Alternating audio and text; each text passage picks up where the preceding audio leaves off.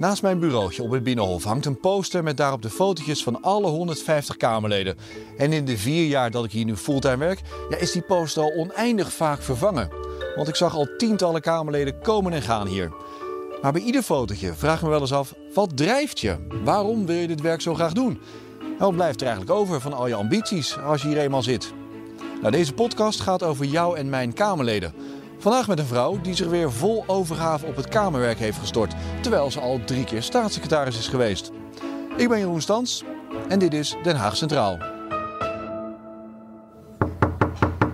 Ja, Hallo, dag, kom verder. Kijk er eens. Kijk, een Een microfoon. hele echte Ja, microfoon. wauw. Zullen we gaan zitten of niet? Of wil je Ja, ik dacht, staan? ik dacht, Sharon Dijksma, Tweede Kamerlid voor de. PvdA. Ik dacht koffie koffie of iets anders. Of Oh, dat kan, maar dan, dan wandelen we samen even naar, het, eh, naar de werkkamer van Lodewijk Asscher. Ja. Niet erin, maar daarvoor daar hebben we het beste koffieapparaat van de PvdA. Oh. Ja? Ga je mee? Zeker. Goed zo.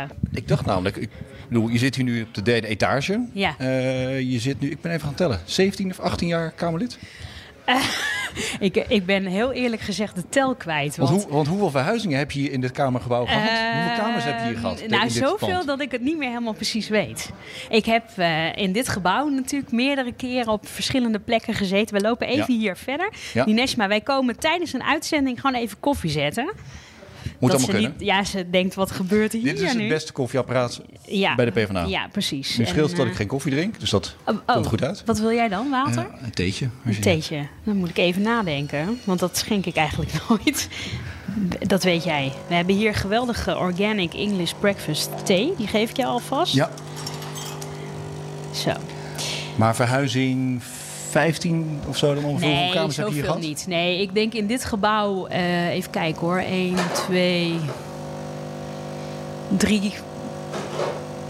Drie of vier kamers. En ik heb natuurlijk in het oude Binnenhof, waar de VVD nu zit, ook wel een paar keer gezeten. Ja. En daar heb ik toch ook wel twee kamers gehad. Ja. Dus ja.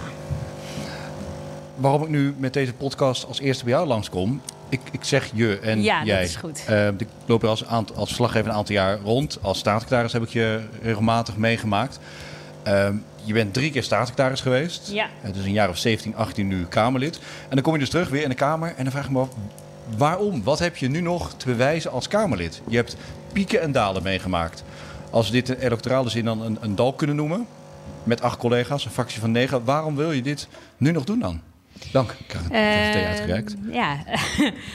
Omdat ik vind dat je in eh, goede tijden er moet staan. Maar als het minder goed gaat, dan moet je niet weglopen. Maar dan moet je er wel zijn. En eh, ik wist natuurlijk toen ik weer op deze lijst ging... wat overigens heel eerlijk gezegd niet per se mijn eigen idee was. Dat ben ik Je bent wel- ervoor gevraagd. Ja, en dat was niet een heel... eh, dat was geen open vraag. Het was meer van, Eh, Sharon, eh, we kunnen niet zonder je. Ja, het was Na al die Sharon, jaren. we rekenen erop dat je gewoon meedoet. En, en ja, dus daar, daar moest ik heel lang over nadenken. Daar heb ik ook een hele zomer over mogen nadenken. En daar mijn man helemaal gek mee gemaakt natuurlijk. Ehm, en uiteindelijk hebben we tegen elkaar gezegd: Oké, nou weet je, dus ehm, Nog één keer. We doen het. En, ja, en we gaan op die lijst staan. En dan. eh, Is dit, en is dit dan echt de, de, de allerlaatste keer? nou, ik heb inmiddels geleerd, want ik heb al een keer glorieus afscheid genomen. Toen was ik na drie maanden onverwachts geheel weer terug. Dus ik ben wel opgehouden met daarover voorspellingen doen. Want ik heb één ding geleerd en al die jaren, die komen toch nooit uit. Nee, ik zoek nog even Zullen een prullenbak trouwens. Ja, die is hier. Kijk, achter mij. Waar gaan we heen? Naar Wat mijn is- werkkamer. Oké. Toch? Als je dat goed vindt. Ja hoor, prima. Dan lopen we met koffie en thee weer die kant op. Maar ben je dan onmisbaar voor deze club? Nee, want niemand is onmisbaar. Zo zie ik dat zelf dat, dat- helemaal dan kan ik niet. denken, ja nee, dan kun je de uitslag erbij pakken. Dat, dat blijkt dan wel, omdat je Ja. eh, collega's kwijt bent geraakt. Ja. Maar wat maakt dan dat, dat Sharon Dijksma hier absoluut nog rond moet lopen? Eh, ja, dit klinkt altijd zo ontzettend nuffig om daar over jezelf iets eh, over te moeten zeggen. Prima kamer trouwens. dit. Ja, dit is wel een topkamer. Dit is wel echt een van de betere kamers. ook. Zeker. Doe deur even dicht, als je naar eh, buiten kijkt hier. Ja, Je zit op de derde etage. ja, En als je hier naar beneden kijkt, dan zie je en het torentje van Rutte. ja Eh, je daar bent- kijken we vanuit hier letterlijk op neer. Dat zal hij denk Ik zeg daar verder helemaal niks over. Nee, nee, nee.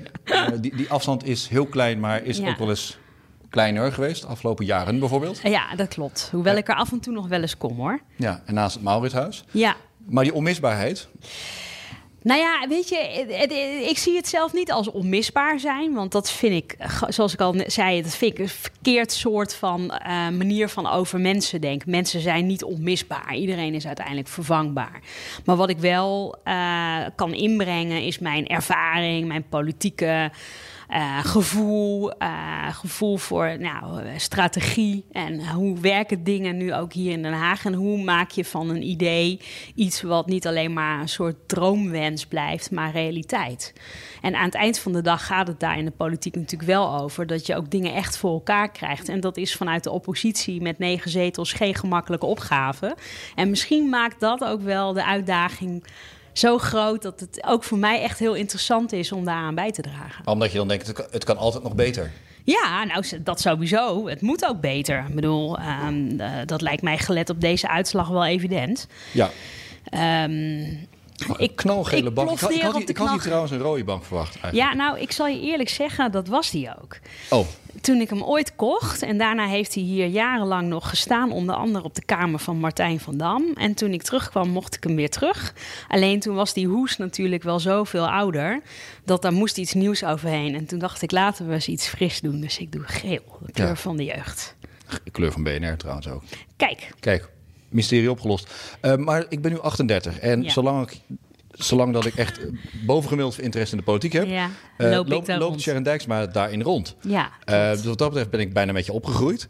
Uh, ik heb je dan drie keer als staatssecretaris gezien, heel lang als, als, als Kamerlid. Ja. zeg nooit nooit, zeg je. Je weet niet hoe lang je hier nog blijft. Maar heb je dan echt tot nu toe ook alles uitgehaald wat erin zat?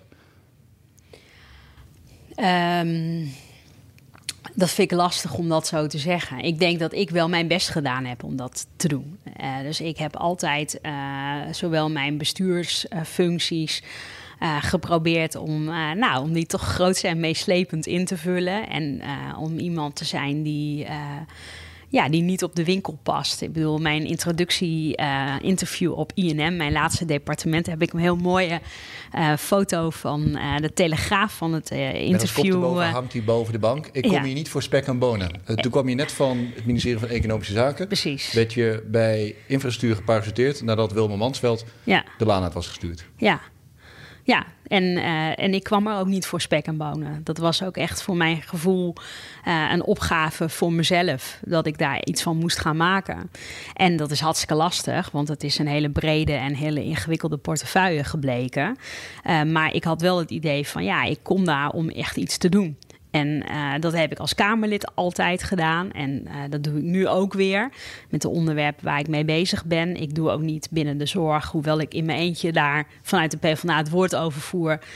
Ieder onderwerp, maar ik heb wel echt een aantal onderwerpen uh, voor mijzelf geïdentificeerd van waar kan ik verschil maken. En daar ben ik nu mee bezig. Ja, maar dan zit je nu hier weer in de Tweede Kamer. In, in dit geval dan, blijft zeggen, de, de, de vrij fascinerende Kamer. Ja.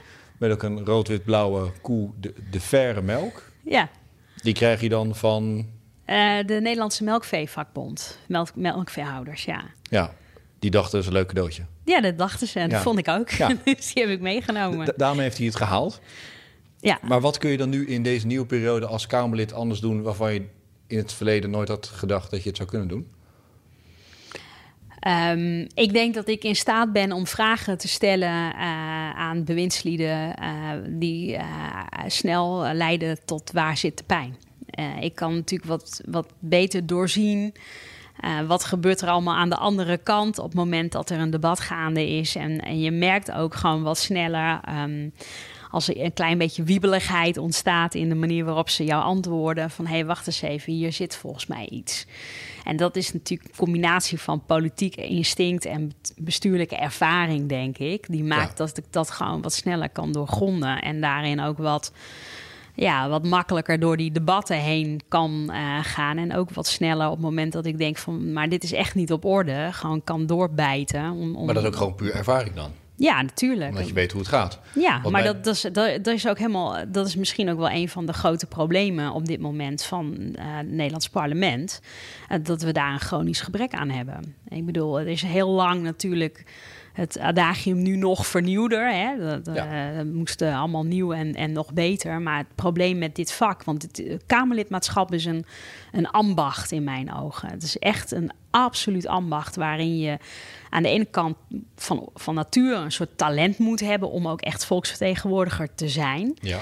Uh, dat kan niet iedereen. Sommige mensen hebben een briljante maatschappelijke carrière, maar zijn eigenlijk gewoon geen goede volksvertegenwoordiger. Andersom komt het ook voor. Ja. Heb, je, heb je er één of twee voorbeelden bij van wie je denkt, oh, die kwam met grote plannen hier binnen? Doe, kijk, die omloopsnelheid is hier, is hier fascinerend hoog. Uh, nou, ik vind het lastig om daar namen bij te noemen. Dat vind ik ook eigenlijk niet zo aardig. Dus dat doe ik meestal liever niet. Maar je ziet wel dat mensen als grote talenten worden inge binnengehaald. Nou, hè, en, en die dat overigens ook echt zijn. Uh, uh, en, en tegelijkertijd zich gewoon ook hier niet thuis voelen. Weet je wel? En dat is natuurlijk in mijn eigen fractie een paar keer voorgekomen. Um, en al snel krijgt dan de cultuur van de politiek de schuld. Maar ik bedoel, ik heb de indruk dat dit, wat, wat er hier gebeurt, gebeurt ook in het bedrijfsleven. Alleen er staat minder een vergrootglas op. Om die reden blijf ik het hier altijd een fascinerende wereld vinden. Is het, het, het is natuurlijk zo'n rare biotoop soms, ja. waar iedereen uh, in rondloopt. Ja.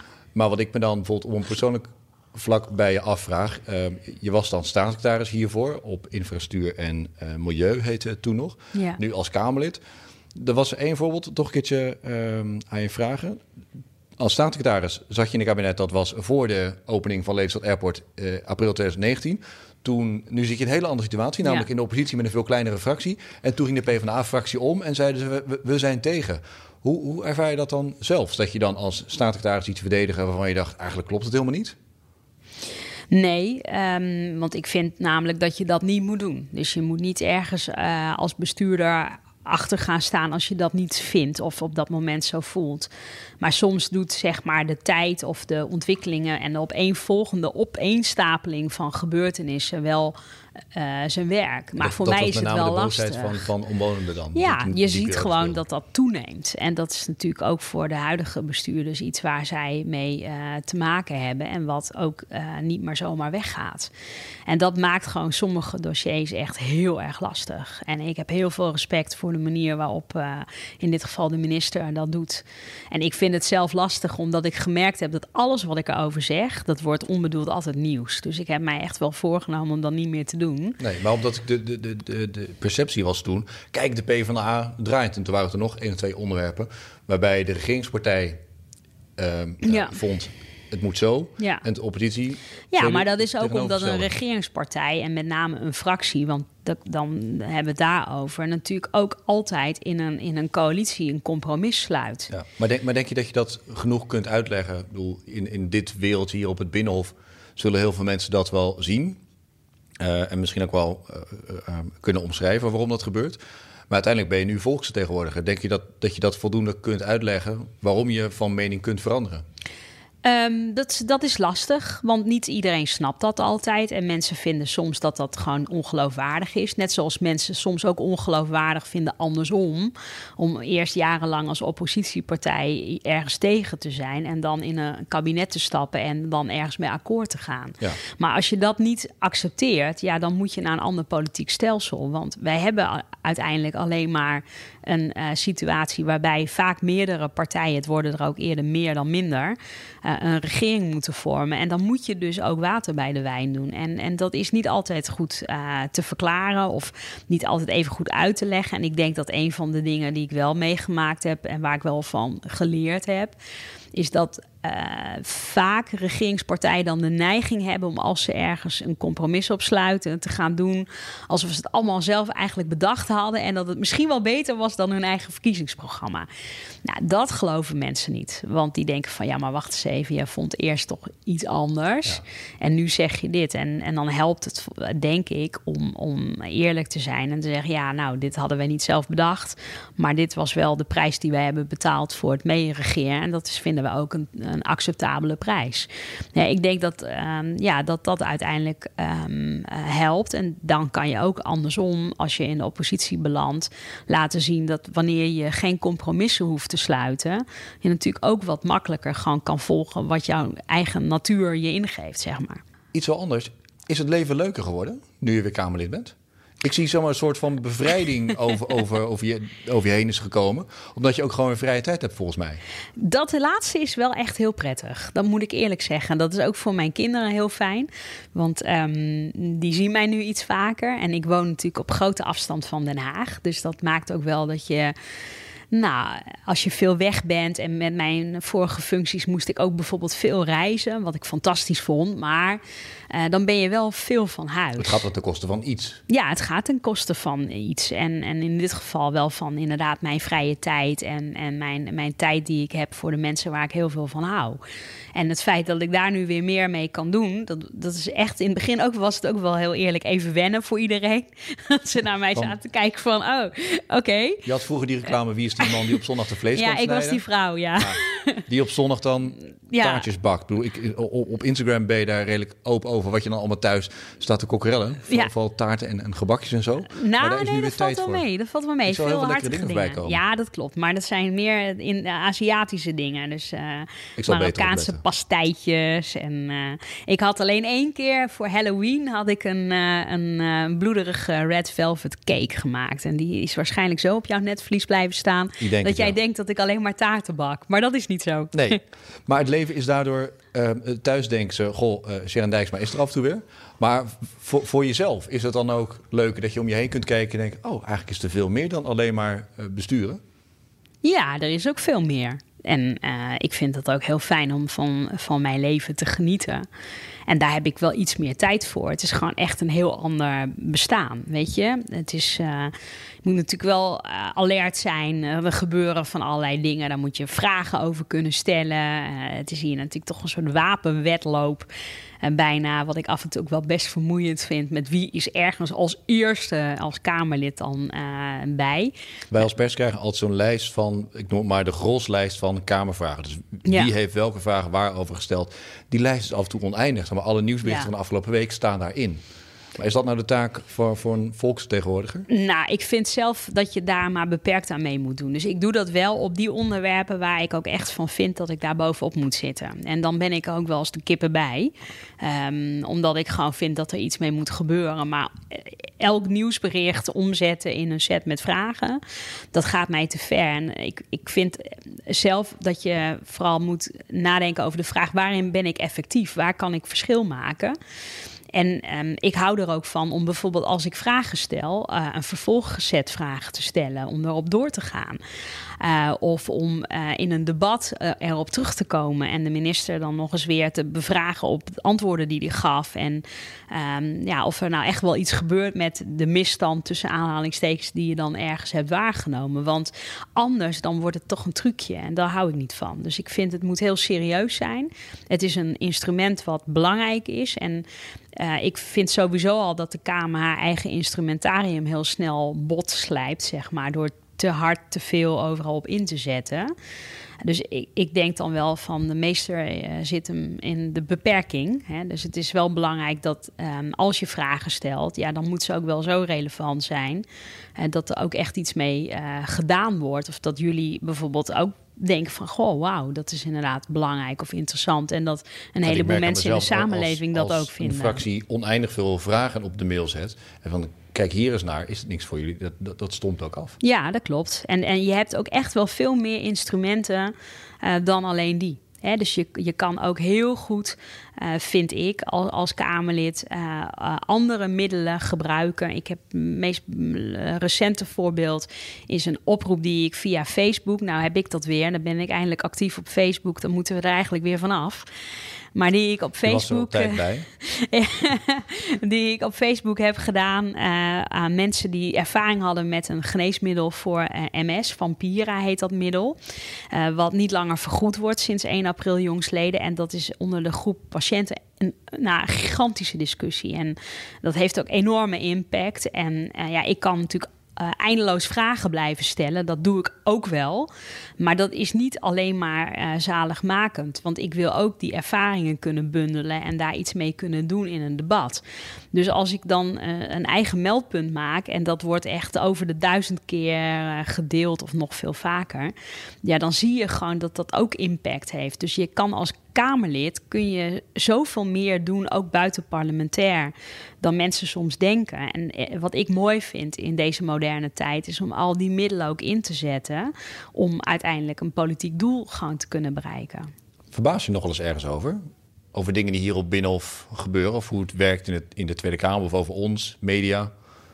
Jawel, ik, ik, ik denk dat een belangrijke manier om uh, uh, hier gewoon überhaupt vol te kunnen houden, om het zo even heel pessimistisch te zeggen, is om twee dingen te doen, namelijk vooral authentiek blijven en niet mee te gaan in al die hypes, de druk die er is. Dus heel dicht bij jezelf blijven. Ik hoop dat ik dat altijd gedaan heb. Dat Hoe doe je dat? Ik vind dat altijd zo'n enorm containerbegrip. Dicht bij jezelf blijven. Nou, maar het, is ook, ja. het is het ook. Het is ook een soort uh, cliché. Maar het, het, het, slaat wel ergens op, gelukkig. Um, dat betekent dat je uh, nou, wat ik al zei, ik, ik, ik kan op elk onderwerp discussie voeren, maar je moet uiteindelijk toch vrij stoïcijns gewoon je eigen punten blijven kiezen. Ook, ook terwijl jij er bijvoorbeeld als journalist niet misschien per se belangstelling voor hebt, maar omdat ik dan denk. Uh, en de mensen die mij steunen, die mijn achterban vormen, dat dat nodig is. Weet je wel? Dus ik vind enige vorm van eigenwijzigheid, gestaalde eigenwijzigheid, noem ik dat altijd, vind ik heel belangrijk. Want daarmee blijf je namelijk gewoon je eigen koers varen. En, en dat is dat is uh, goed. En het tweede is, blijf je je verwonderen. Dus als ik nergens meer verbaasd over zou zijn, dan moet ik ook echt iets anders gaan doen. Ter afsluiting, want dan zul je toch ook weer naar je werk moeten gaan, denk ik, andere werk. Mm -hmm. uh, nog één keer dat uitzicht op het torentje van, uh, van Mark Rutte. Had je er zelf ooit kunnen zitten? nou, dat weet ik niet. Nee, dat durf ik niet te zeggen. Dat ik, laat ik het zo zeggen, ik ben binnen mijn partij altijd iemand die gewoon graag met anderen uh, werkt en in dienst van de club. Dus niet per se de neiging heeft om daar nu uh, de macht te grijpen. Ik heb wel graag invloed, dat vind ik wel belangrijk. Maar waar, hoe heb je dan nu nog invloed in een fractie van, van negen? Nou, als vice-fractievoorzitter heb je toch wel invloed op maar heb je dan nog invloed de koers. In het Haagse zelf? Of denk je, oeh, dat is nu al afgenomen? Nou, het is anders, tuurlijk. Ik bedoel, je hebt meer invloed als je in een kabinet zit. Dat is zonder meer waar. Maar de kunst is om je daar niet bij uh, neer te leggen. En om ervoor te zorgen dat je, ook al ben je met zeg maar negen mensen... dat je uh, je politieke kracht uitbouwt tot een, een fractie die een, een, veelvoud daarvan is. En uh, toch een kleine, sterke, tussen aanhalingstekens niet letterlijk... dan moeten mensen ook niet letterlijk nemen, maar een kleine oorlogsmachine hè, die vanuit de oppositie gewoon goede dingen doet. Dat is wel mijn ambitie voor ons nu. En ik ben er zeker van dat wij met ons negenen, als we echt ons best doen, gewoon voor drie kunnen tellen. Dank. Alsjeblieft. En dit was de eerste Den Haag Centraal. Volgende week zijn we weer terug en dan met de voormalige rechterhand van, die nu op eigen benen staat. Ik ben Jeroen Stans. Tot dan.